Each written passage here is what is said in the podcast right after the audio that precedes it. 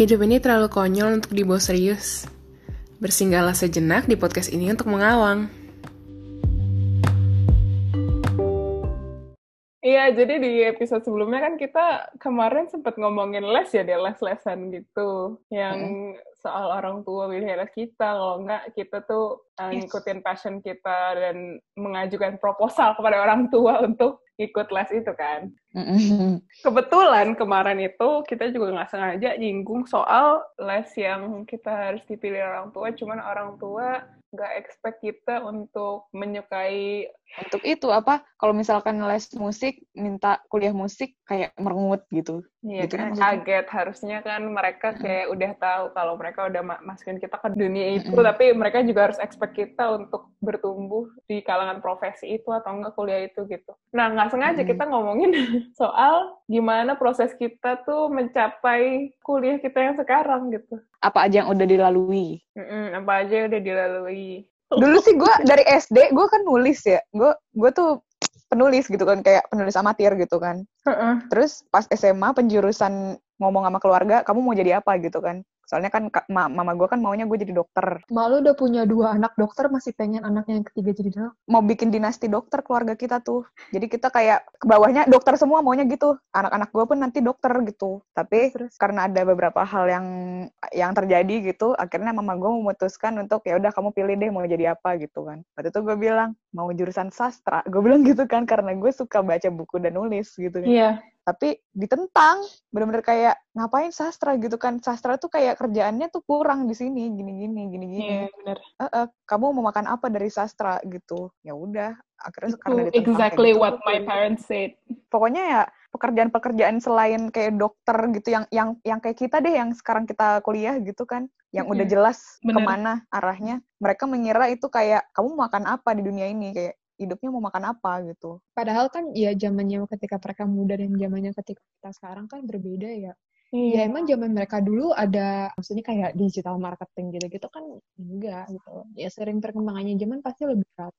Gue juga merasakan itu. Gue juga dan pikiran. Pas gue lihat-lihat ya musisi musisi-musisi dan pekerja seni zaman dulu itu banyak yang nggak menempuh kuliah gitu kan. Sedangkan sekarang tuh hmm. menurut gue banyak banget yang udah kalau bisa nih contohnya aja deh, Isyana tuh kuliah musik tapi dia tuh sukses Gimana? dalam dia bidangnya di, di, di gitu. Royal Royal Academy ya, Royal Academy ya. Uh, dia di Nanyang, terus dia ke Nanyang. Royal Nanyang Singapura, terus dia ke Royal. Kalau nggak salah sih. Gue juga merasakan hal yang sama kok. Orang dari dulu gue belajar bahasa Inggris, terus gue juga sempat beberapa kali belajar gambar. Disuruhnya masuk teknik industri. Iya orang masuk. iya. Iya kan. Uh, sumpah bener-bener yang kayak mereka bilang, kamu mau jadi dokter nggak? Gue bilang, enggak. Terus mereka tuh kayak ngasih option lain gitu. Jadi kan gue bilang, musik. Iya gimana kalau kan gue kayak anjir harus banget gimana gitu. kalau hukum aja uh, tadinya kan gue mau kalau gue kalau gue hukum memang keinginan sendiri sih Hmm. Ya tadinya gue mau kayak broadcasting journalism. Pokoknya intinya gue pengen broadcasting journalism karena gue suka banget tuh dengan TV, kreatif industri dan sebagainya. Gue pengen kerja kreatif sama musik itu doang dua sebenarnya. Terus tiba-tiba dikerucutin aja tuh sampai hukum tiba-tiba.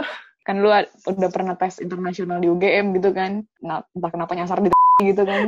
iya, gue gak cerita tes internasional di UGM. iya, nyasar di hukum nih maksudnya dengan segala pilihan gue yang selain hukum gitu tetap aja gue masih ada effort gitu untuk masuk hukum yang lebih baik daripada di universitas swasta gitu. Gue sempet banyak iya jadi kita nggak pasrah gitu. Nah, nggak pasrah. Jadi kayak empat kali gue ke UI simak gagal simak internasional juga gue coba untuk masuk hukum walaupun soalnya tuh social science tapi bahasa Inggris mm -hmm. udah gue catat oh. IPS soalnya bahasa Inggris. Makin makin lu bisa deh waktu itu gue gue gue gak bilang gue gak bisa cuman gue rada rada ngawang gitu loh dengan segala soal IPS gue malah salfok anjir. Kakak-kakaknya cantik banget. Yang yang ngawas simak UI internasional tuh kakak-kakak UI yang make make apa almet gitu kan. Oh baru tahu gue iya gue juga baru tahu. Gue sih kagak kagak ikut simak sih gue gue cuma ikut SBM cuma SBM-nya gue milik UI juga. UI ekonomi hmm. hukum unpad hukum. Nyari mati itu. Guru les gue udah bilang kamu yakin mau diganti dulu nggak mau dipikir-pikir dulu nggak soalnya daftarin guru les gue Iya, gue juga sebenarnya mikir betapa gobloknya dulu gue anak IPA yang ikut SBM IPS, udah gitu tanpa ada persiapan bimbel IPS gitu, gue belajar sendiri Iya. kan pakai buku-buku. Eh enggak ding, gue intensif nih. Itu gue nekat aja. Dan ternyata Dan ternyata terdampar bersama dua anak ini. Kalau gue dulu nyobain apa aja ya? Oh, gue dulu ngambil PPKB. UI. Tapi gue, uh, uh, PPKB gue ambil psikologi. Terus entah kenapa setelah gue udah daftar PPKB itu gue malah lebih pengen hukum atau HI gitu loh. Labil banget. Ih, gue masih inget banget sih, gue masih inget banget. Pengumuman PPKB itu kan jam 2 siang ya. Nah, gue tuh waktu lagi jam-jam SBMPTN tuh lagi seneng-senengnya belajar di Starbucks Green Terrace. Kira-kira Anjay. Starbucks. Emang enak sih. Starbucks Green Terrace enak banget kan. Dia nggak nggak terang karena mungkin karena kayak di dalam gedung gitu jadi nggak terang-terang banget. Terus Nggak terlalu eh, rame. Nggak terlalu rame. Abis itu kayak suasananya enak banget gitu loh. Nah, gue buka di sana tuh jam 2 karena jam 3-nya gue harus les. Terus nggak keterima PPKB-nya, tapi gue seneng anjir. Gue seneng karena berarti gue masih bisa masuk HI atau hukum. Waktu itu gue Oh, iya. kayak gitu. Terus gue nelfon, gue tuh langsung nelfon Gia kan. Karena waktu itu gue lagi chat sama Gia kalau nggak salah. Gigi, masa gue nggak terima PPKB, Gi? Tapi gue ketawa-tawa. Hahaha. Tapi gue beneran maksudnya, gue ketawanya ketawa dari hati gitu loh, bukan Iya, iya, ketawa. Kayak untung aja gitu. Iya, bukannya ketawa pengen nangis. Gue dikatain gila. Gila lu ya, orang tuh ditolak UI tuh nangis, ini ditolak UI. Bahagia gitu. Kan karena gue mungkin, mungkin faktor gue gak keterima di psikologi juga karena gue dari IPA ngambil jurusan, jurusan IPS kan. Psikologi yang IPA kan di, di Un, Unpad ya. Tapi ya udah lah gue juga kalau itu ya pendidikan Wah, nggak ngerti dah gue. Eh, psikiater mah ngambilnya kedokteran juga, Wak. Jadi psikiater sama psikologi tuh beda jurusannya maksudnya. Psikiater tuh harus kedokteran kayak kakak lu. Nanti S2-nya baru ngambil eh, psikiater jiwa ya. Gue kira psikologi dulu terus lu ambil nanti S2-nya psikiater, enggak gitu ya? enggak kedokteran dulu terus Awal. apa jadi spesialisnya psikiater. Awalnya gue juga mikirnya kayak Oh. gitu, tapi ternyata tidak, guys. Karena kalau psikologi itu kan lebih ke terapi, apa ya? Cuma konsultasi doang gitu kan? konsultasi. Kalau psikiater itu lebih ke kejiwaan. Nah, abis itu, abis gue PPKB kan SBMPTN tuh. Nah, dulu tuh gue pengen banget unpad tuh, karena gue gue pengen banget out dari Jakarta lah, kayak fuck Jakarta. Unpad asik sih. Bener. Ya, gue aja pengen ke Unpad. Terus kayak gue pengen banget di Bandung deh pokoknya kuliah. Gue gak mau di Jakarta, udah bosan gue di Jakarta. Terus gak dapet. Gue nangis kan. Gue tuh nangis bukan gara-gara gue ditolak UI. Gue nangis gara-gara gue ditolak UNPAD. Kayak, Sampai na- sampai nangis gitu ya kalian ya? Kok gue Enggak. enggak ya? Gue Soalnya enggak sih. tuh gue gue mikirnya apa? Gue gue nggak gue nggak sepengen itu kok sama UI kayak ya udah gue sadar diri juga kayak kalau di UI gue bego deh gitu. Eh eh eh eh eh gue ngikut simak lagi gara-gara itu gue bingung tuh gue mau simak apa UGM soalnya kan barengan tesnya ya.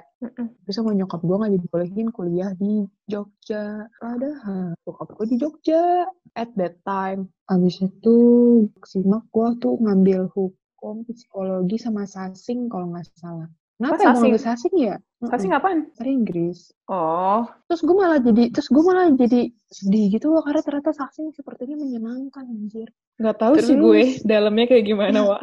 Soalnya temen temen temen gue kan ngambil sasing kan, Eh, dia kayak tugas disuruh baca The Great Gatsby, Wuthering Heights gitu-gitu. Nah terus tuh yang paling bikin gue gigit jari tuh waktu itu gue liat di Twitter ada eh lo tau gak sih skripsi sasing Hmm. di UI itu tuh dia tuh analisa apa gitu pokoknya dari album Lana Del Rey yang Ultra Violence jadi satu album dianalisa apanya gitu Ya kayak, liriknya sih menurut gue. Iya, dan itu tuh ada yang foto-fotonya gitu kan. Nah, itu di input liriknya. Mantap banget sih.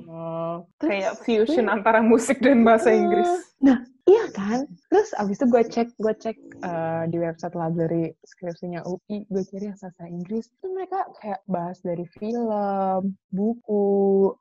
Seru banget ya? Seru sekali ternyata. Ya tapi fakultas-fakultas seru yang kayak gitu yang yang apa ya yang relate dengan hal-hal umum gitu loh yang kayak misalkan eh, fakultas bahasa dia pasti ke seni kalau nggak ke budaya gitu kan. Kalau FSM Iya, dia kan masuknya kan, dia kan masuknya kan ilmu budaya. iya. FSRD pun maksudnya kalau lu mikir-mikir lu harus berinspirasi apa-apa, tapi tugasnya juga akhir-akhirnya bakal kalau nggak ke film, kan bakal berkaitan sama yang gitu-gitu. Ini berkaitan dengan hal-hal ah. yang sebenarnya kita gemari gitu loh. Kalau kalau misalkan film gak usah di kafe, komunikasi temen gue komunikasi aja berapa kali bikin film. Eh komunikasi itu masuk ke semua bidang, weh. Makanya gue juga termasuk salah satunya pengen komunikasi sih dulu. Cuma ya itu gak boleh komunikasi itu setahu gue adalah pelarian anak-anak IPS yang sebenarnya nggak mau ngitung matematika gitu loh. Tapi pas orang masuk komunikasi, pas masuk ilmu komunikasi, banyak temen gue yang bilang kayak, gue menghindari MTK untuk masuk komunikasi, di komunikasi ada statistik. nah, nah itulah, itulah. Gue, gue lebih bingung sendiri tau, semua temen gue, entah itu eh temen gue yang kesehatan masyarakat aja dapet statistik terus gue bingung sendiri gitu ah, gue gak dapet statistik Iya. Kita nggak ada statistika kan? Nggak. Nggak ada. Kita bener-bener Biasa, biasanya sih di semester awal ada hitung-hitungan, tapi ini kita nggak ada. Nggak ada, sama sekali nggak ada. Bahkan waris pun nggak ada hitung-hitungan. Ada, Wak. eh, ada deh. Nggak ribet lah, orang cuma iya, nggak ribet. Pas tiga dua per tiga doang. Mm-hmm. Mereka pada sampai statistik kayak pusing-pusing gitu. Gue cengok sendiri waktu denger, apaan sih? Gue nggak ada ngomong sesuatu yang gue tahu dong. Jauh-jauh nih kalau lu mikir komunikasi, komunikasi itu ada statistik. Ya kita mikir aja Jijah itu kan dulu pengen psikologi, gue juga sempat pengen ada niat untuk masuk ke psikologi. Psikologi itu juga ada statistiknya. Bedanya dia juga ada tambahan statistik, tapi statistik emotion gitu loh. Lo tau gak sih? Jadi orang lagi beremosi atau enggak orang tuh punya perasaan itu dihitung pakai statistik. Ya Allah, ngitung perasaan orang, ya Allah. Bagaimana caranya menghitung emosi seseorang di angka? Aku kayak, untung gue gak masuk psikologi. Kok sepertinya di sini kita jadi bersyukur gitu ya? Kemarin perasaan kayaknya ngeluh aja ya, sekarang banyak bersyukur ya. Iya. Tapi gue sendiri nggak tahu sih kalau sebenarnya hukum kita doang yang nggak dapat statistik atau fakultas hukum di universitas lain juga nggak dapat. Nah iya sih. Itu di situ gue masih stres-stres gitu loh. Terus sudah di terakhir tuh udah ditolak undip, gue udah kayak yang ya ya udah gitu ya. kambing.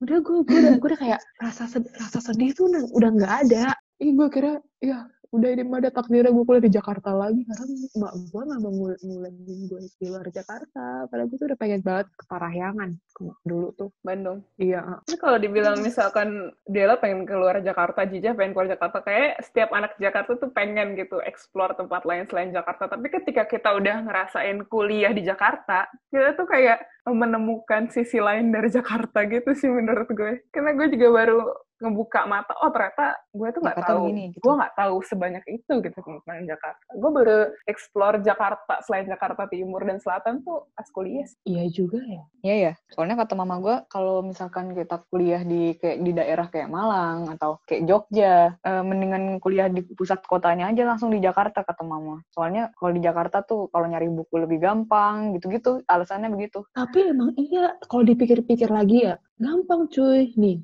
lu mau nyari kalau ya be beda sih kalau misalkan kayak lu jurusannya lebih ke alam ya pasti lebih enak di luar Jakarta. Tapi kayak kalau kayak kita enakan Jakarta gak sih? Karena kayak semuanya semua semua kantor pemerintahan apa-apa kantor diplomatik itu semua Jakarta. Kayak iya sih benar. gitu. Sebenarnya yang dicari gue personally kenapa gue pengen keluar Jakarta sebenarnya gue lebih gue lebih mencari kehidupan yang pace-nya lebih slow daripada Jakarta gitu. Jadi gue lebih pengen menikmati hidup gitu nyeduh kopi pagi-pagi ntar ke kampus naik sepeda gitu kan. Maksudnya orang Jakarta orang kota mm. gitu kan. Tuh gue nyarinya yang kayak aduh gue pengen ya nanti suatu saat ke kampus naik sepeda terus hidupannya ah iya je je lo tau kan kalau orang Jawa tuh kan mm-hmm. nyapa orang-orang gitu. Gue kan kita nyarinya sih kayak gitu. Tapi setelah gue dengerin kayak pengalaman-pengalaman temen gue yang di Jawa tuh ya kayak Unbrau dan sebagainya mereka tuh yang kayak gila deh di sini gue makan sambil jalan aja diliatin segerombolan orang anjir gitu. Kayak karena saru apa ya? Mereka juga jarang ada orang di rambut rambutnya diwarnain kayak mungkin belum. Bagi mereka itu asing ya? Kalau nggak ngomong keras ketawa keras gitu itu lo bisa diliatin orang-orang gitu loh. Gue kayak oh gila seriusan loh Iya, makanya gue di sini halus banget bahasanya. Gue gak kebayang sih kalau misalkan gue kuliah di Pulau Jawa. Eh, maksudnya sekarang aja gue di Pulau Jawa. Maksudnya di Jawa Tengah atau di Jawa Timur. Mm-hmm. Gue kan gak ngerti bahasa Jawa ya. Nanti ke bawah aja. Kalau lu pas ngobrol sama orang-orang ya. Uh-uh. Sama aja kayak lu ya. ke Bandung nanti, ya mana mana saha gitu. Ini bawa nanti. kemarin kalau misal kalau kalau misalkan Sunda ya gue agak sedikit mengerti lah. Soalnya Gia kan Sunda. Dia sering ngomong kadang tuh ngomong Sunda. Jadi kadang gue nggak gitu. Kalau kalau Jawa tuh gue buta banget apalagi Jawa itu kan ada yang kayaknya Ada Jawa kasar, ada Jawa lembut. Jawa halus. iya iya. Tapi bapak gue lancar anjir bahasa Jawanya. Karena Bapak orang gue juga Eh, bisa. orang Padang ya? Kok? Bapak gue orang Padang. Tapi karena mereka teman-temannya orang Jawa, jadi mereka terbawa gitu. Nggak, bokap gue tuh dulu 10 tahun di Semarang. Hmm, pantesan? Dulu Apa? pengen banget kuliah di kota apa sih? Kota yang paling Bandung. diinginkan gitu. Bandung. Jogja Bandung, kenapa? Enggak, nanya Oh, aja. gue, Enggak, maksudnya juga kenapa Bandung mau. Bandung? Oh, kirain nanya kenapa gue nanya gitu. gue suka aja sama Bandung. Gue juga kalau mau kuliah di Bandung atau nggak di Jogja. Gara-gara sering apa sering ke Jogja, gue jadi pengen kuliah di Jogja. Tapi mak gue udah ngomong gini waktu itu ke Jogja. Kamu kalau kuliah di sini kayaknya kerjaannya main mulu nih. Udah sujon aja jadi orang. Tapi iya juga sih kan udah jauh dari pantauan. Iya, Tapi kan ada bokap dia, weh. iya Oh, kalau iya. gue di Jogja kan ada bokap gue. Sebenarnya gimana ya? Happy gak sih dibilang kalau sama pilihan hidup gue sekarang? Happy Jatuhnya sih. bukan pilihan, jatuhnya bukan jatuhnya pilihan gak sih kalau misalkan kayak ya udah kita terdampar gitu. Kayak kayak lebih ke takdir sih. Harus harusnya bi lu happy nggak sih dengan apa yang telah lu jalani selama ini sampai sekarang? Ah, kalau misalkan dibilang happy, gue uh, gue nggak bisa bilang diri gue sepenuhnya happy dengan yang gue jalani sekarang. Tapi kalau dikata menyesal pun enggak juga di tengah-tengah lah.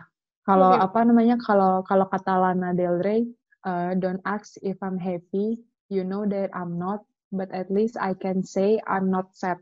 A Jijo obsession with Lana Kalau happy or not about the decision and everything that I've been through ya, gue bilangnya ka- sama kayak Jijo sih. Gue nggak bisa bilang diri gue happy karena sebenarnya definisi bahagian setiap manusia itu kan beda banget ya. Dan Benar. kadang orang juga pengen bilang dia happy, dia kadang nggak bisa mengidentifikasi diri sendiri diri dia sendiri tuh happy apa enggak gitu. Tapi kalau dibilang eh, bersyukur sangat banget bersyukur karena banyak banget yang dilewatin gitu, banyak banget hal Iya, iya, baru iya. yang gue Iya. banyak banget hal baru yang gue baru belajar dan gue baru tahu gitu. Dan yang gue Bener. pikir tuh gue nggak bakal bertemu situasi dan hal-hal ini gitu karena gue di Jakarta. Ternyata tetap aja bakal ada hal baru terus yang datang. Meskipun Gue lu ada di kota sendiri. Ya, Gue jadi bersyukur bersyukur aja sih ya. Iya, karena gimana ya mau nggak mau tuh kadang harus melihat sisi sisi positifnya juga nggak sih? Meskipun tidak tidak jalannya seperti yang kita inginkan, tapi kan ya kayaknya nggak buruk-buruk amat lah. Gue sih mikirnya kayak gitu aja. Ya ada plus minusnya juga sih kalau kita mungkin ditakdirin di kota mana gitu, nggak di Jakarta, pasti banyak banget perbedaan. Untuk orang yang adaptasinya lama tuh mungkin mereka wasting time awalnya untuk adaptasi doang gitu. Ya gue bersyukur aja kalau gue di Jakarta ya gue nggak terlalu banyak adaptasi lagi kepada orang-orangnya gitu.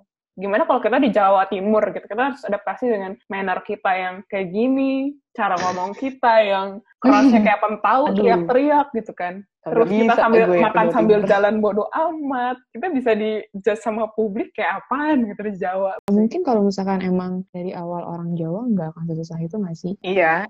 Bisa jadi nggak sih? Tapi kan gimana ya? Kalau misalkan kadang tuh culture itu juga mempengaruhi tau meskipun lu berada di negara yang sama. Tapi kan karena kita adatnya banyak, Bener. Jadi kayak beda-beda culture culture yang selama ini gue pelajari kan culture-nya Minang. Orang orang tua gue dua-duanya Minang Tulen. Jadi kalau misalkan kayak Dan gitu- kita juga terbiasa di rumah ngelihat sisi Minang keluarga kita gitu. Iya, tiba iya iya di rumah kerjaannya kalau kalau ngomong biasa aja tuh teriak gitu loh.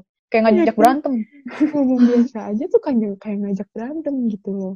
Nah, kalau misalkan tiba-tiba dihadapkan oleh situasi yang di gue tidak mengerti culture seperti apa, apakah ada do's and don'ts-nya tuh pasti kayak agak beradaptasi untuk sulit. Pasti culture shock-nya lumayan gede. Banyak sih. ha. Gue gue tuh denger yang dia shock itu, temen gue yang cerita kalau dia minum terus diliatin dan sebagainya. Itu anaknya tuh kalem. Jadi anaknya tuh bukan anak yang kayak kita yang serabutan gimana. Jadi anaknya tuh ngomongnya pelan.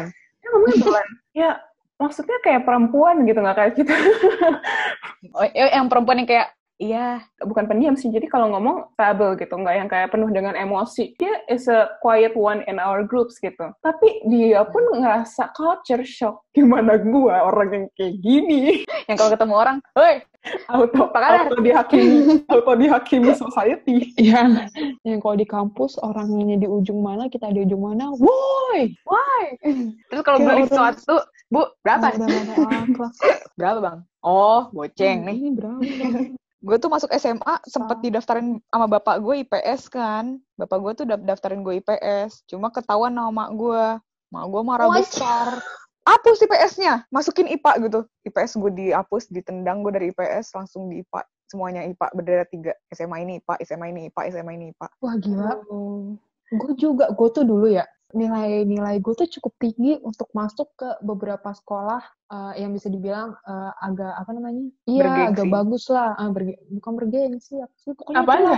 Gue dulu bisa masuk 39. Mantap banget. 48 bisa masuk. Lu bingung gak kenapa gue terdampar di Kenapa? oh karena kedepak di IPA-nya ya? Bukan. Iya, gue tuh bisa masuk IPS 39. Lu bayangin IPS 39 itu kan cuma ada satu kelas ya. Karena sisanya buat bidang Oh, iya, iya, kan. Iya. Jadi IPS itu cuma satu kelas. Dan gue tuh bisa masuk. Itu pun kayak, kalaupun gue masuk tuh ya, gue tuh masih ada di urutan atas-atas gitu loh. Which means gue masih aman. Gue masih aman Tiga untuk, sembilan sam- tuh untuk it's sam- a very prestige school in Jakarta Timur Iya. bagian kita ya. Itu bener-bener yang Iya. kayak impian Parah. semua anak si jantung pasar bu bla bla bla itu di situ. bisa gue gila wah itu kacau banget sih. Terus 48 IPS gue bisa. 48 IPS pun justru gue lebih aman lagi karena kuotanya lebih banyak dibandingkan 39 IPS itu kuota gue Hmm. banyak banget. Nih eh, gimana ya? Kayak gue tuh sebenarnya tuh dulu bisa I can choose every school that I want gitu around around rumah gue. Bahkan dengan sekolah bagus gitu loh. Tapi karena orang tua gue itu bener-bener kalau dia lah kan bokapnya daftarin IPS gitu. Kalau gue enggak gue kalau gue dua-duanya keras gitu loh. Hmm. IPA IPA. IPA IPA Kenapa Yaudah, sih, Mam? di Gitu kan. hari di hari terakhir ini ini sakit sih di hari terakhir beberapa jam sebelum Penutupan. pendaftaran Penetapan ya. tutup iya gue terdampar dari 39 gue nama ketiga yang terlempar di atas gue nama Giri dan jadi begitu begitu masuk kapan nama gue tuh urutan ketiga apa keempat Wow, tinggi banget berarti lo di ya. karena dulu gue ke Hmm. SMP tuh lesnya bener-bener gue kejar gue tuh kayak gue dulu tuh kalau IPS kan gak apa-apa deh gitu meskipun stigma orang kan dulu banyak bilangnya kan eh, Yang IPS eh, tuh apa, bader. oh, anak anak IPS tuh bandel gini gini gini yang gue I don't care gue mau masuk HI gue mau masuk gue mau masuk HI dulu yang gue pikirin gue mau masuk hubungan internasional gitu loh jadi nggak apa-apa lah kalau gue IPS orang nanti satu link gitu loh Tapi masuk hukum Iya. itu adalah decision pertama lu. Apa ada Enggak. fakultas lain? decision akhir Hmm. gue awalnya HI HI sama psikologi Tapi di disetujui apa enggak? awalnya kan enggak wah itu gue 2017 tahun tahun gue berdarah-darah anjir Iya anjir, aduh pusing banget. parah parah itu itu tahun ta- itu tahun gue berdarah-darah dah Dari, gue itu awalnya kan pengen HI kalau nggak psikologi gue lupa kenapa dulu gue pengen psikologi ya dah. Soalnya lu bisa Lupa ngertiin orang kali kalau gak banyak orang yang curhat ke lu kali ya. Iya iya dulu gitu. Cuma kayaknya ada alasan kayak ada alasan lain deh. Karena awalnya kan gue pengen arsitek kan. Cuma gue mikir ah, udahlah gue nggak kuat PK-nya gitu loh. Capek Iya. gue, gue udah capek gitu Arsitek ngitung, keras udah banget. bosen. Arsitek capek Masalah, emang. iya, masalahnya gue SMA bebal banget anjir MTK. Iya, iya. Jadi nama temen gue yang Udah- paling pinter pun gue Kag- Kagak bisa-bisa. Udah nih anak ikut Iya, workshop, workshop arsitek kan gaya-gaya banget emang nih anak emang. Gue udah ikut gue udah ikut gue udah ikut workshop arsitek coba kayak keinginan gue udah kuat banget tapi gue mikir-mikir ya kalau emang nanti gue nggak kuat di kalau gue nggak kuat dihitung hitungannya juga ya buat apa gitu loh. Ntar gagal-gagal juga di tengah jalan kan sayang. Gue akhirnya gue. HI psikologi ditolak. Terus ya udah gue cari lagi yang mana pokoknya jurusan apa yang bisa mengantar mengantarkan gue ke dunia diplomat. Gue cari-cari hukum ada hukum internasional ya udah gue pilih hukum. Oh, iya. Oh, Good for you gitu. kalau lu maksudnya masih sejalan dengan mimpi gitu. Kalau Iya, gue sih akhirnya karena sih. pelarian. Gue juga pelarian Dari dari dokteran sih. Karena nyokap gue tuh udah yang kayak, kamu masuk dokter, kita bisa loh afford untuk kamu uh, kuliah kedokteran tuh. Tapi gue kayak, Iya, kayak gitu ya. Gimana ya? kita bisa Kalau loh kata gua- kamu sampai lulus gitu. Tapi gue gue mikir gini, kalau kayak gini ini pressure-nya gila banget kalau misalkan gue, gue di tengah-tengah tiba-tiba kayak menyerahkan dan gak mampu kan kayak sayang gitu. Iya. Kalau mak gue ngomongnya gini, Dela kamu udah eh, menentukan pilihan bener-bener udah matang-matang mau pilih selain dokter. Soalnya mumpung mama sama papa bisa biayain sampai selesai gitu. Mama, mama pun dulu kalau mama nggak miskin, mama juga pasti minta kuliah dokter gitu. Tapi apakah Dela dengan kesempatan ini Dela nggak mau coba gitu kayak mumpung mama bisa, Dela cobalah kuliah dokter gitu. Pokoknya selalu menjurus ke dokter deh gitu. Iya, iya, kayak iya, nggak iya. setuju gue "Ah, ke dokter. Tapi ya gue akhirnya ngomong sama mak gue, mah bukannya gitu gitu kan. Kayak Dela yang paling tahu diri Dela Dela yang paling tahu kemampuan Dela gimana kalau Dela masuk dokter dan berhenti di tengah-tengah itu bakal jadi sia-sia gue bilang gitu. Jadi gue bilang ya udah biarinlah Dela nentuin keputusan untuk diri Dela sendiri gitu. Dela takut gitu takut ngecewain kalau gagal di tengah-tengah gue bilang. Akhirnya ya udah. Tapi ya gue nih ada dengar Dela bisa ngomong gitu gitu loh. Dulu gue nggak bisa ngomong gitu gitu. Mungkin gue juga menyadari kalau diri gue keras kepala sih. Jadi ya gue instead of ngomong gue tahu apa gue tahu apa buat diri gue sendiri ya gue tetap kekeh. Gue pengen masuk uh, jurusan IPS tapi ya dengan ya dengan alasannya karena gue pengen gitu loh kalau hmm. Dela kan kayak bisa ngomong kayak gitu gitu gue nggak bisa dulu akhirnya kan nyokap gue tuh luluh gara-gara apa ya? Gara-gara tante gue deh gue ngomong ke tante gue kan. Gue nggak mau teknik industri. Nyokap gue tuh juga udah bilang mama mau bayarin kamu kedokteran gigi mana waktu itu dia bilang ya dokter gigi mana Yarsi ya ke mana gitu Wow. Apa Mustopo? Apa apa Mustopo? Apa Mustopo ya? Mustopo, Mustopo, Mustopo Gue juga Mustopo. Mustopo deh. Wah, gila kalau kita semua orang kalau kita semua kedokteran di Mustopo udah gini temu lagi. Udah jadi geng nih kayak gini. kedokteran apa? Kedok kedokteran swasta kan Mustopo bagus bagus banget ya katanya ya. Iya, bagus dia. Gitu, Iya udah bilang. Ya maksudnya karena gue karena gue anak pertama dan banyak gue masih kerja gitu masih bisa ini dan banyak gue tuh tipe orang yang bakal mengeluarkan semuanya untuk perkembangan diri anaknya gitu loh. Jadi kayak misalkan ya udah lu sekolah cari sekolah sebagus mungkin semahal apa pun bakal dibayarin, dibayarin. Gitu. Tapi tapi gue gak mau. Percuma kalau kita nggak mau. Teknik iya, teknik industri begini-gini. Dan nyokap gue tuh dulu picky banget masalah gue bakal sekolah. Even PTN pun picky banget gue. Pasti grade-nya gak begitu gede ya. Gue gak dibolehin. Nah, ngapain kamu kuliah di sana gitu. Ya udah akhirnya pilihan gue terbatas dan berterdampar lah gue di kayaknya nyokap gue belajar dari kesalahan gitu ya. Kesalahannya adalah ya gue gitu loh.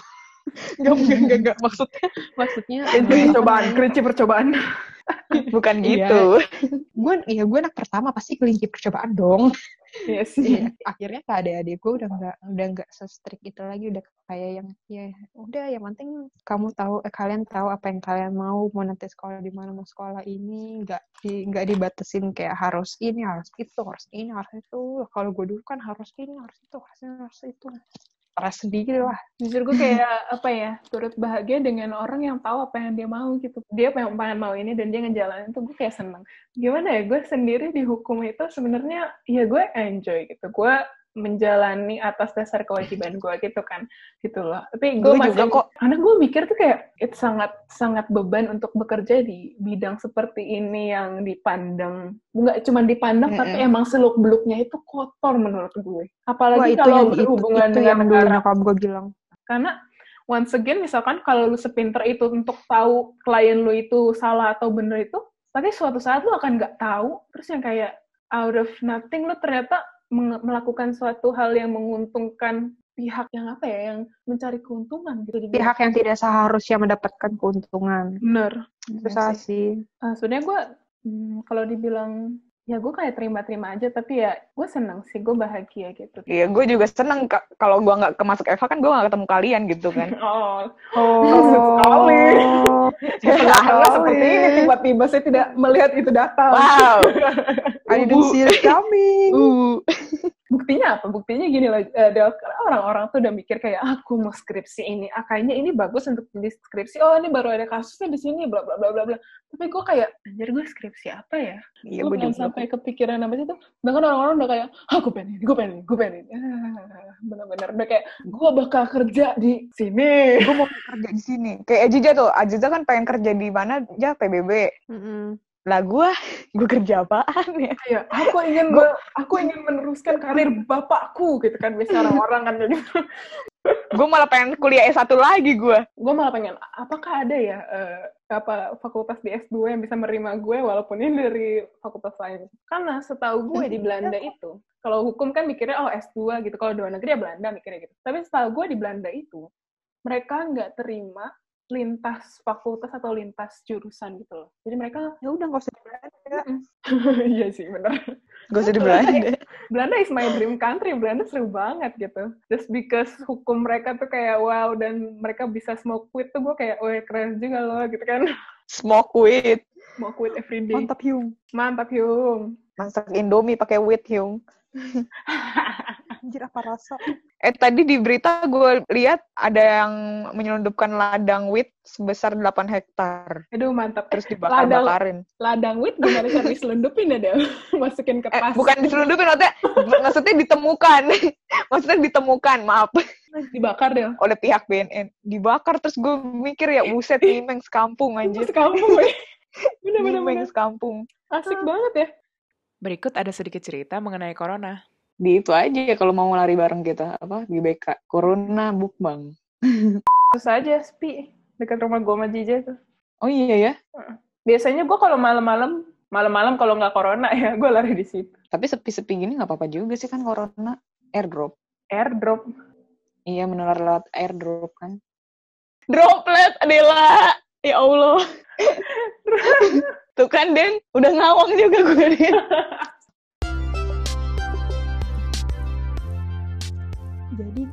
gitu deh obrolan kita hari ini.